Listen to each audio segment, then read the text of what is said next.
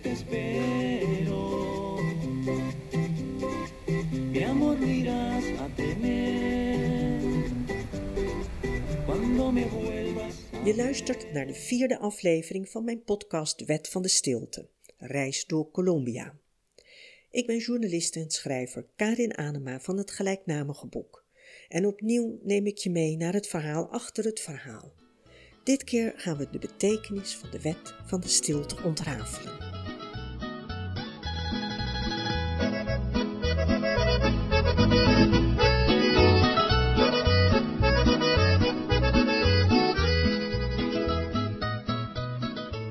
Voordat mijn Colombiaanse gesprekspartners ingaan op de belangrijkste wet in hun land, blik ik een moment terug op de vorige aflevering waarin ik achter de schermen van het toerisme keek. Een luisteraar luchtte zijn hart over hoe bizar soms toerisme aan het worden is. Voetstoots had hij de verhalen van andere backpackers aangehoord die op Pablo Escobar toe waren geweest. Hoe het schieten als Escobar hen een adrenalinekick had gegeven. Colombia wijkt daarin niet echt af van Europa. Ook hier vinden toeristen vertier bij bijvoorbeeld Checkpoint Charlie of Hitlers geboortehuis. De luisteraar vertelde hoe zijn vrienden, behalve dark tourism, ook hoog opgaven van day tourism. Plekken bezoeken waar niemand anders komt, want toeristen houden niet van toeristen. Maar dat ook die plekken met alle Instagram-plaatjes binnen de kortste keren overlopen zijn door toeristen. Zelf blijf ik hopen dat er ook toeristen zijn die oprecht een land en haar bewoners willen leren kennen. Ik zet in op de natuur- en cultuurliefhebbers. En niet alleen daadwerkelijke reizigers, maar net zo goed mensen die liever thuis een boek lezen en naar een podcast luisteren.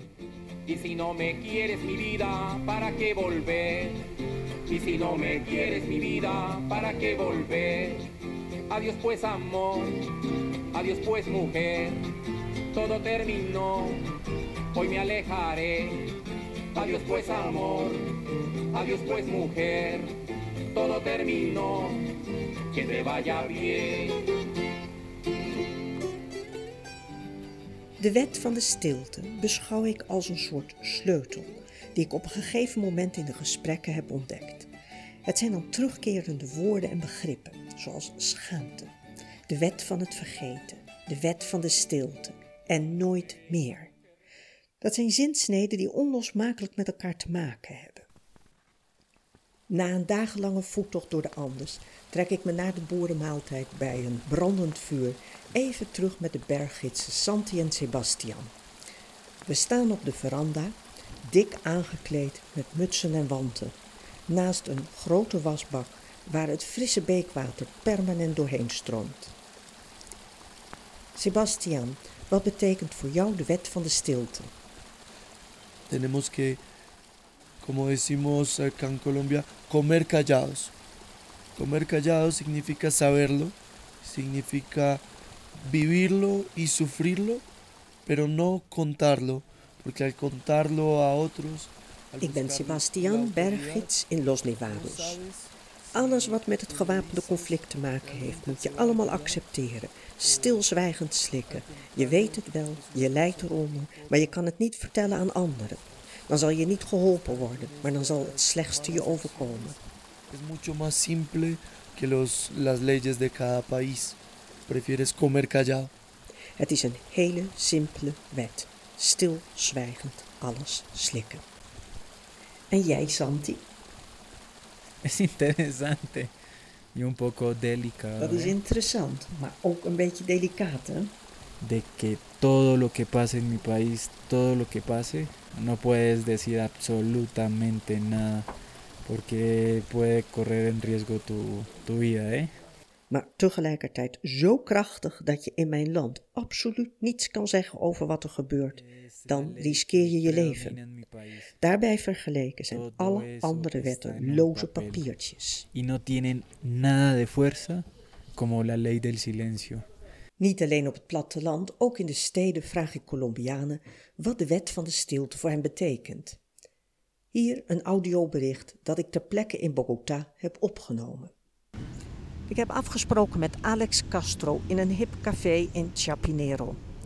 Daar zit hij. Kort geschoren haar, sportief figuur, een bijna Europees uiterlijk. Ik ga bij hem zitten en we bestellen alle twee thee met verse vruchten. Alex, jij bent geboren in Tunja, een stad ten noorden van Bogota, gelegen in de provincie Boyacá. Dat is een provincie die grotendeels gespaard is gebleven van het gewapende conflict. Het is er vreedzaam verlopen. Wat betekent dan voor jou de wet van de stilte? Pensaba que el silencio no solo calla mi voz, el silencio calla la manera como caminamos, las personas a las que visitamos, los lugares a los De que wet van de vamos. stilte doet niet alleen je stem zwijgen, maar ook zoals je je beweegt, wie je bezoekt, de plekken waar je naartoe gaat en hoe je je kleedt. De wet legt ook de stemmen van de natuur het zwijgen op. Ver más colores, escuchar más, visitar más. Y para eso necesitamos más paz. We zouden meer willen praten, meer willen zingen, naar meer dingen willen luisteren, meer kleuren willen zien, naar meer plekken toe willen gaan. En daarvoor hebben we meer vrede nodig. Je hebt tot nu toe van een paar berggidsen en van deze stedeling Alex gehoord wat voor hen de betekenis van de wet van de stilte is. Maar ik heb het ook slachtoffers gevraagd, zoals mensen die ontvoerd zijn geweest. Nu door naar Alonso, die je eerder in aflevering 2 hebt gehoord. De man die door de vark langdurig ontvoerd is geweest, hoog in de Andes. Ik zit naast hem in de bus en hij is gefascineerd als hij van me hoort dat ik bezig ben met een boek met de titel De Wet van de Stilte. Na de busreis trekken we ons terug in een zeer druk café waar hij mij zijn verhaal doet en waar hij ook ingaat op de titel van mijn boek en wat dat voor hem betekent. nada sea eh, eh, comunicado, expresado. Door de wet van de stilte wordt er niets gecommuniceerd. En dat gebeurt allemaal omdat men zich economisch wil verrijken. eh, económicamente, eh, aumentar mi poder y mi ego. Entonces, entre más silencio haya, mucho mejor. Hoe meer stilte, des te beter. De corruptie wordt almaar erger door de wet van de stilte. Door de wet van de stilte is mijn sociale leven kapot gegaan. Het heeft me financieel geruïneerd, mijn gezin kapot gemaakt, omdat ik absoluut niets heb kunnen zeggen. destrozando mi vida, destrozando mi entorno social, destrozando mi entorno familiar y destrozándome a mí, porque no poder decir absolutamente nada.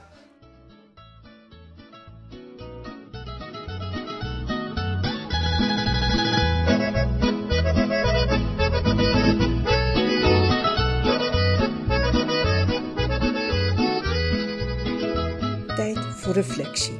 Ik zit aan tafel met Joris van der Sand, een oude bekende inmiddels voor je uit de vorige afleveringen. De mensenrechtendeskundige bij Pax. Joris, wat gaat je nu ter harte na zoveel jaren betrokken te zijn geweest bij Colombia? Ja, mijn, mijn grootste drijfveer ook in mijn werk is dat, eh, dat de feiten, de waarheid eh, van het conflict in al zijn eh, fa- facetten, dat dat boven water komt en dat ehm, echt sommige mensen ook eh, ehm, ja, daarmee eh, de feiten onder ogen moeten komen met hun eigen handelen, hun eigen verkeerde handelen. En voor mij hoeft het niet zo te zijn dat iedereen eh, 10 of 20 of 30 jaar de gevangenis in gaat. Maar eh, eh, ik vind wel dat slachtoffers eh, bijvoorbeeld, dat die eh, herstel moeten krijgen. En eh, ik vind ook dat zij recht hebben om eh, te weten waarom hen is overkomen wat hen is overkomen. En ik vind dat voor nu eigenlijk, voor het, de periode na het vredesakkoord, eh, vind ik dat het belangrijkste, of dat gaat mij het meest ter harte. Is dat, betekent dat ook dat het meteen jouw persoonlijke affiniteit is met Colombia of ligt die op een heel ander terrein? Ja, die ligt meer op het persoonlijke, denk ik. Eh, en ook op het eh, feit dat de Colombia gewoon een heel een, een prettig, swingend, vrolijk, toch ondanks alles vrij vrolijk, optimistisch land is. Eh, soms is er wat, wat veel cynische of zwarte humor. Eh, maar dat is ook wel weer een manier om ermee om te gaan. Het lot bijna tarten door daar heel eh gekscherende dingen over te zeggen of, of belachelijk te maken. Of zijn, hun eigen positie te relativeren. En, maar verder is het gewoon mijn, ja, mijn persoonlijke band met Colombia is omdat ik daar heel veel mensen ken. Ik die mensen heel graag mag en bewonder. En omdat het land ontzettend mooi is. Dus het gaat uiteindelijk om de relaties die je er hebt. Ja, ja. Y no te olvides de mí, que yo te quiero. Mi amor lo irás a tener cuando me vuelvas a ver. Siempre te espero.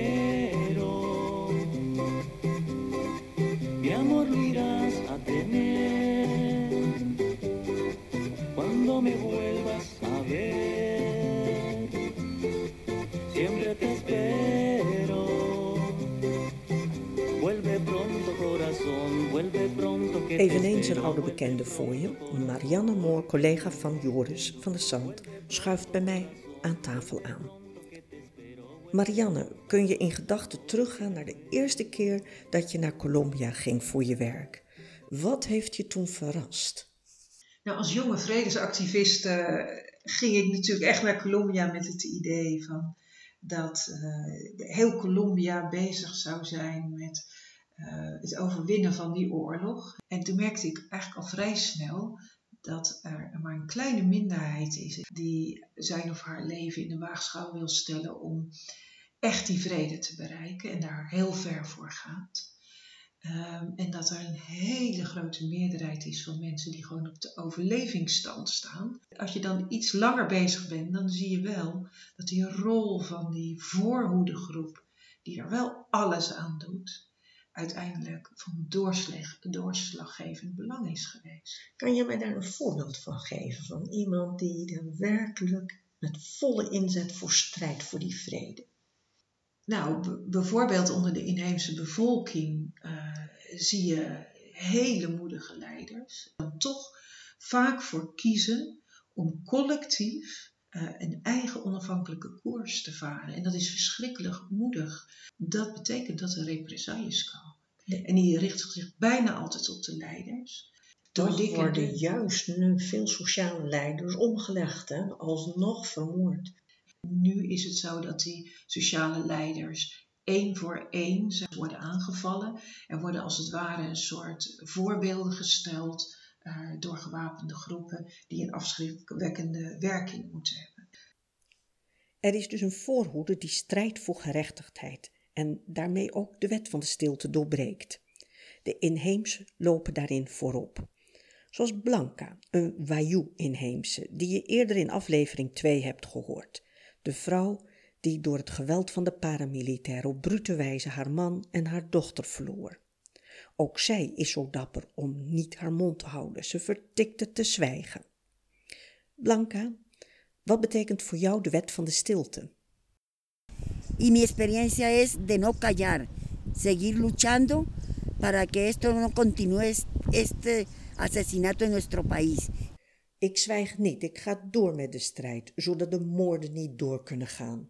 Que lo conozcan nacional, internacionalmente, lo que es nuestro país. Zodat het nationaal en internationaal bekend wordt wat er in ons land gebeurt. Que mucha gente se calla por el miedo y hay que sembrar esperanzas para cosechar memoria. Terwijl de meesten zwijgen, uit angst. Maar ik vecht ervoor om het geheugen op te bouwen. Maar dappere voorvechters voor de waarheid op tafel heb je ook onder de oud-strijders, zoals Verlee uit aflevering 1 en 2, de oud-paramilitair die als kind geworven was voor de strijd. Ik ontmoet Verlee voor de tweede keer op het gure balkon van de Universiteit Los Andes in Bogota. Verlee, wat betekent voor jou de wet van de stilte? La historia y el relato siempre se deben contar, para que nunca se olviden, para que nunca se repitan. Het beste is dat men de waarheid kent, zodat de geschiedenis zich niet herhaalt. Want daar gaat het om, dat het lijden door de oorlog zich niet herhaalt. Una guerra que nos, nos marca a todos. Una guerra De geschiedenis moet verteld worden, ook aan kinderen, zodat die niet het risico lopen in de val te lopen in een oorlog die ons allen tekent.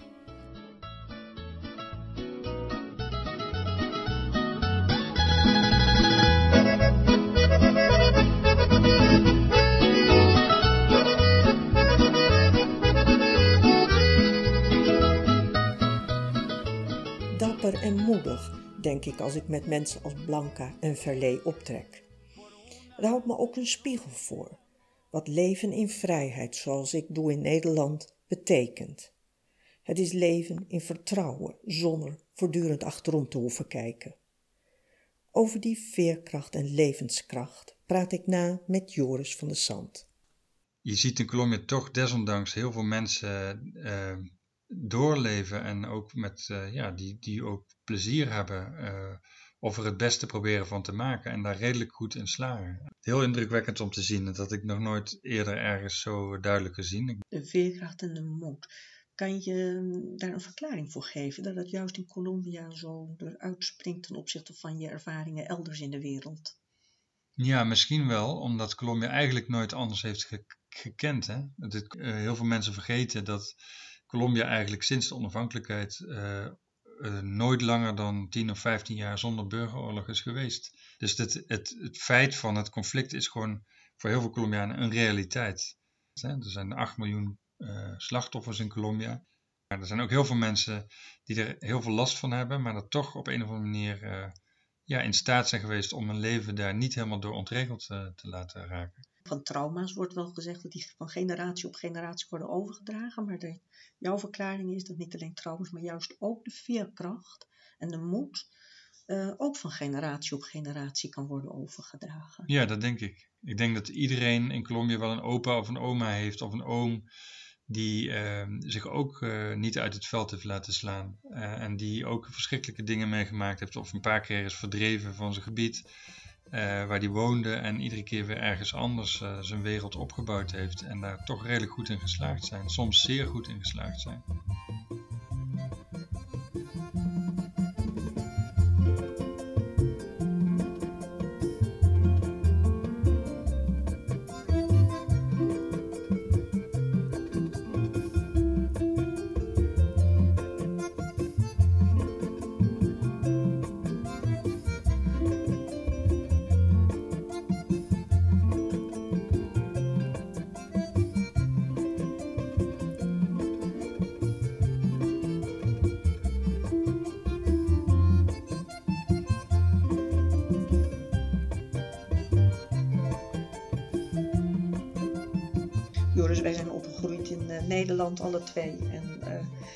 Buiten ieder oorlogsconflict gebleven hè, tijdens ons hele leven.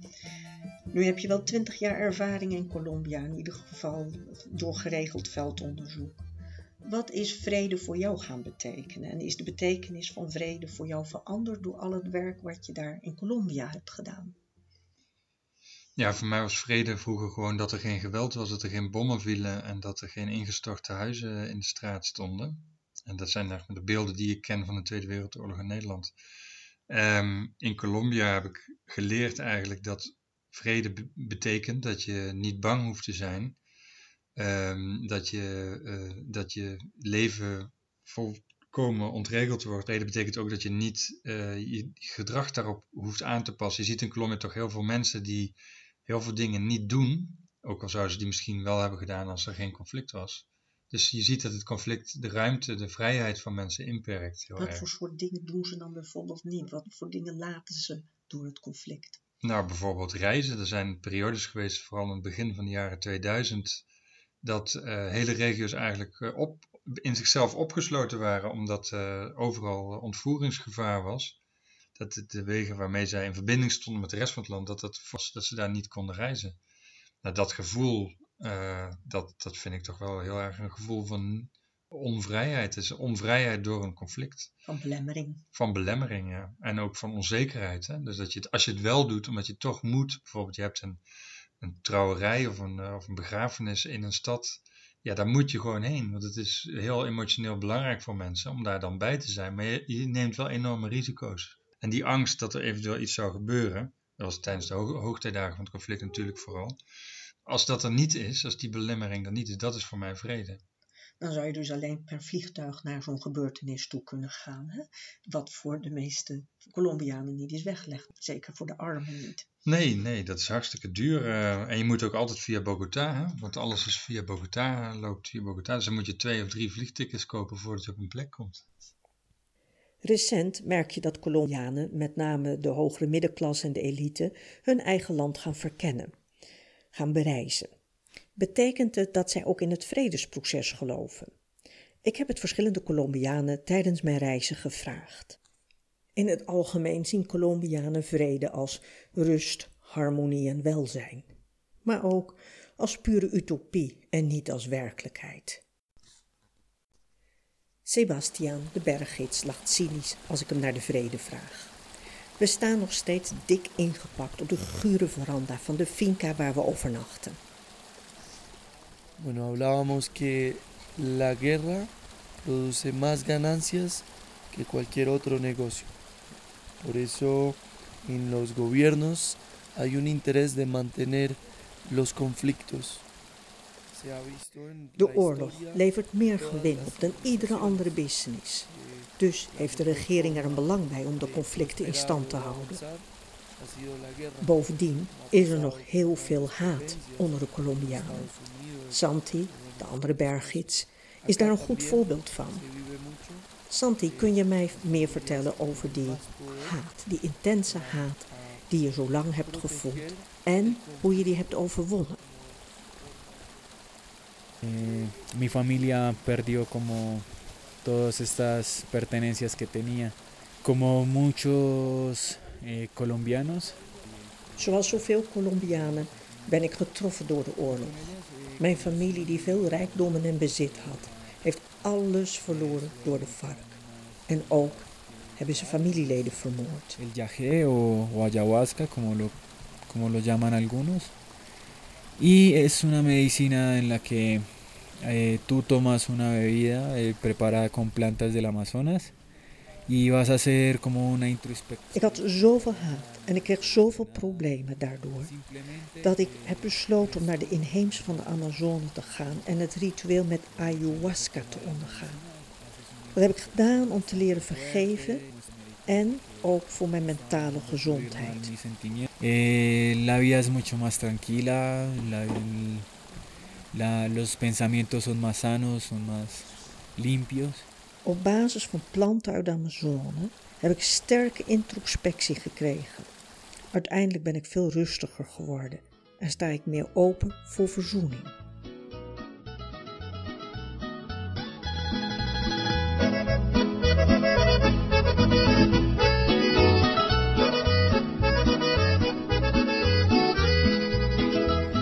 Is er veel discriminatie naar inheemsen en afro's, ik vind het interessant om te merken dat er juist een hang is naar inheemse rituelen. Commandanten bijvoorbeeld, die schijnen inheemse op te zoeken om een ritueel te ondergaan die, hen beschermen tegen kogels, als een soort kogelvrije vesten. Of neem Santi die ayahuasca gebruikt. Of Camilo, ook een berggids, die een vurig pleidooi houdt voor het gebruik van coca. En dan niet cocaïne, maar het oorspronkelijke gebruik zoals inheemse het voor hun ceremonies, rituelen gebruikten en als medicijn. sobre la hoja de coca, que es una planta muy pero muy medicinal, tiene calcio, tiene minerales muy importantes para el organismo. De coca-plant voedzaam. Het bevat veel mineralen, calcium en vezels. En als je op de blaadjes koudt, werkt het tegen hoogteziekte, waardoor je een trekking door kan zetten. Helaas is de plant erg gestigmatiseerd door de cocaïneproductie. para extraer la cocaína, pero para poder extraer un kilo de cocaína fácilmente se puede usar eh, casi 5 o 7 hectáreas. Om 1 kilo cocaïne te maken heb je 5 tot 7 hectare coca-planten nodig. Dat brengt me op de treurige relatie tussen Nederland en Colombia. Ik voel plaatsvervangende schaamte. Het geweld dat sterk samenhangt met de coca-productie en de coca-handel, wordt mede veroorzaakt door de vraag hier in Europa en in de VS.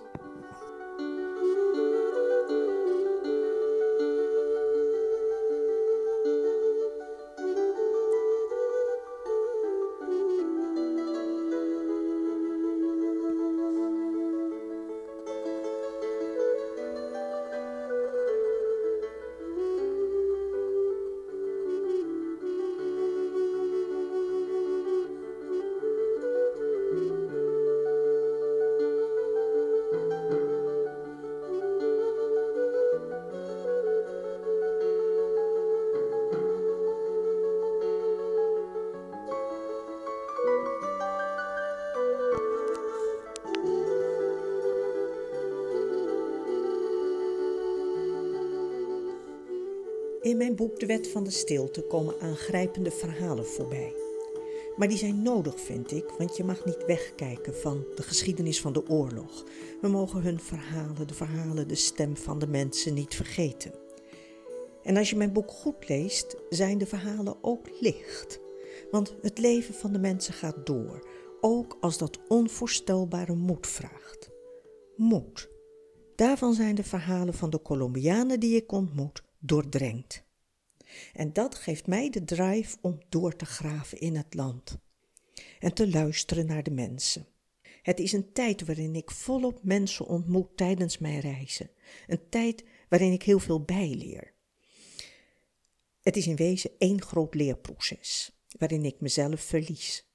Ik werk naar het boek toe en toch is het eindproduct niet het belangrijkste, want zodra het in mijn handen ligt, is het ook een afscheid. En dat vind ik jammer, want ik zou door willen gaan met het een stem geven aan de mensen die zo lang niet gehoord zijn.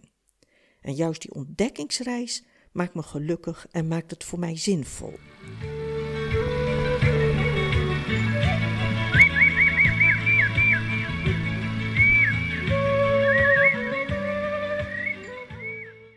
Je hebt nog één ontmoeting van mij te goed. Ik heb haar al aangekondigd op het eind van mijn vorige aflevering. Het is Maria. Ik moet ontmoet haar verschillende keren op verschillende plekken. De laatste keer in een zeer druk café met veel achtergrondlawaai. Maar dat ben je inmiddels wel gewend nu je al vier afleveringen met me meereist door Colombia. Maria is een jonge vrouw met een vriendelijk gezicht, donker haar en sprekende ogen. Maria, kun je mij vertellen wat het voor jou betekent om een geheim leven te leiden? Bueno, hola, soy María, vivo en Colombia. Estamos en la ciudad de Bogotá. Quiero contarles cuál es la vida de una mujer clandestina. Ik ben Maria en we zijn in Bogota. Ik wil je vertellen hoe het leven is van een vrouw die in het verborgene leeft. Una mujer clandestina es una mujer oculta, es una mujer que vive en la sombra, es una mujer la segunda Het is een vrouw die in de schaduw leeft, die een tweede persoonlijkheid ontwikkelt, die zichzelf niet kent, die haar fysiek verandert, die haar identiteit verandert. Es una mujer que cambia su físico, es una mujer que cambia su identidad, es una mujer que oculta su pasado, es una mujer que crea una nueva historia Die haar verleden verbergt, die een eigen historie creëert, omdat het anders niet veilig is door de oorlog en door zaken die nog hangende zijn bij justitie. Esto puede pasar por razones de seguridad, porque le duele mucho su pasado, porque tiene cosas pendientes con la justicia. Maar het is ook een vrouw die een droomster is en die wil overleven, al was het maar om de liefde voor het leven.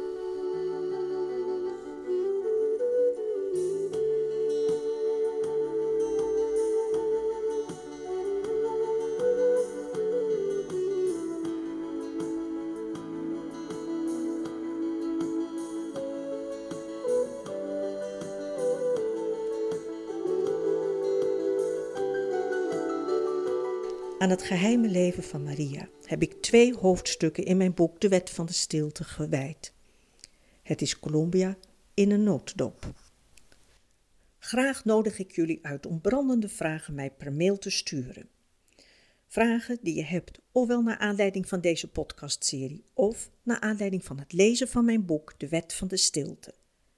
Je kunt je vragen sturen naar karin.anema.planet.nl dan ga ik er in aflevering 5, een bonusaflevering, op in. En ik heb nog meer materiaal op de plank liggen. Allemaal uit Colombia. Tot ziens. En als jullie deze aflevering bevalt of als je de hele podcastserie bevalt, wil je hem dan reposten of liken.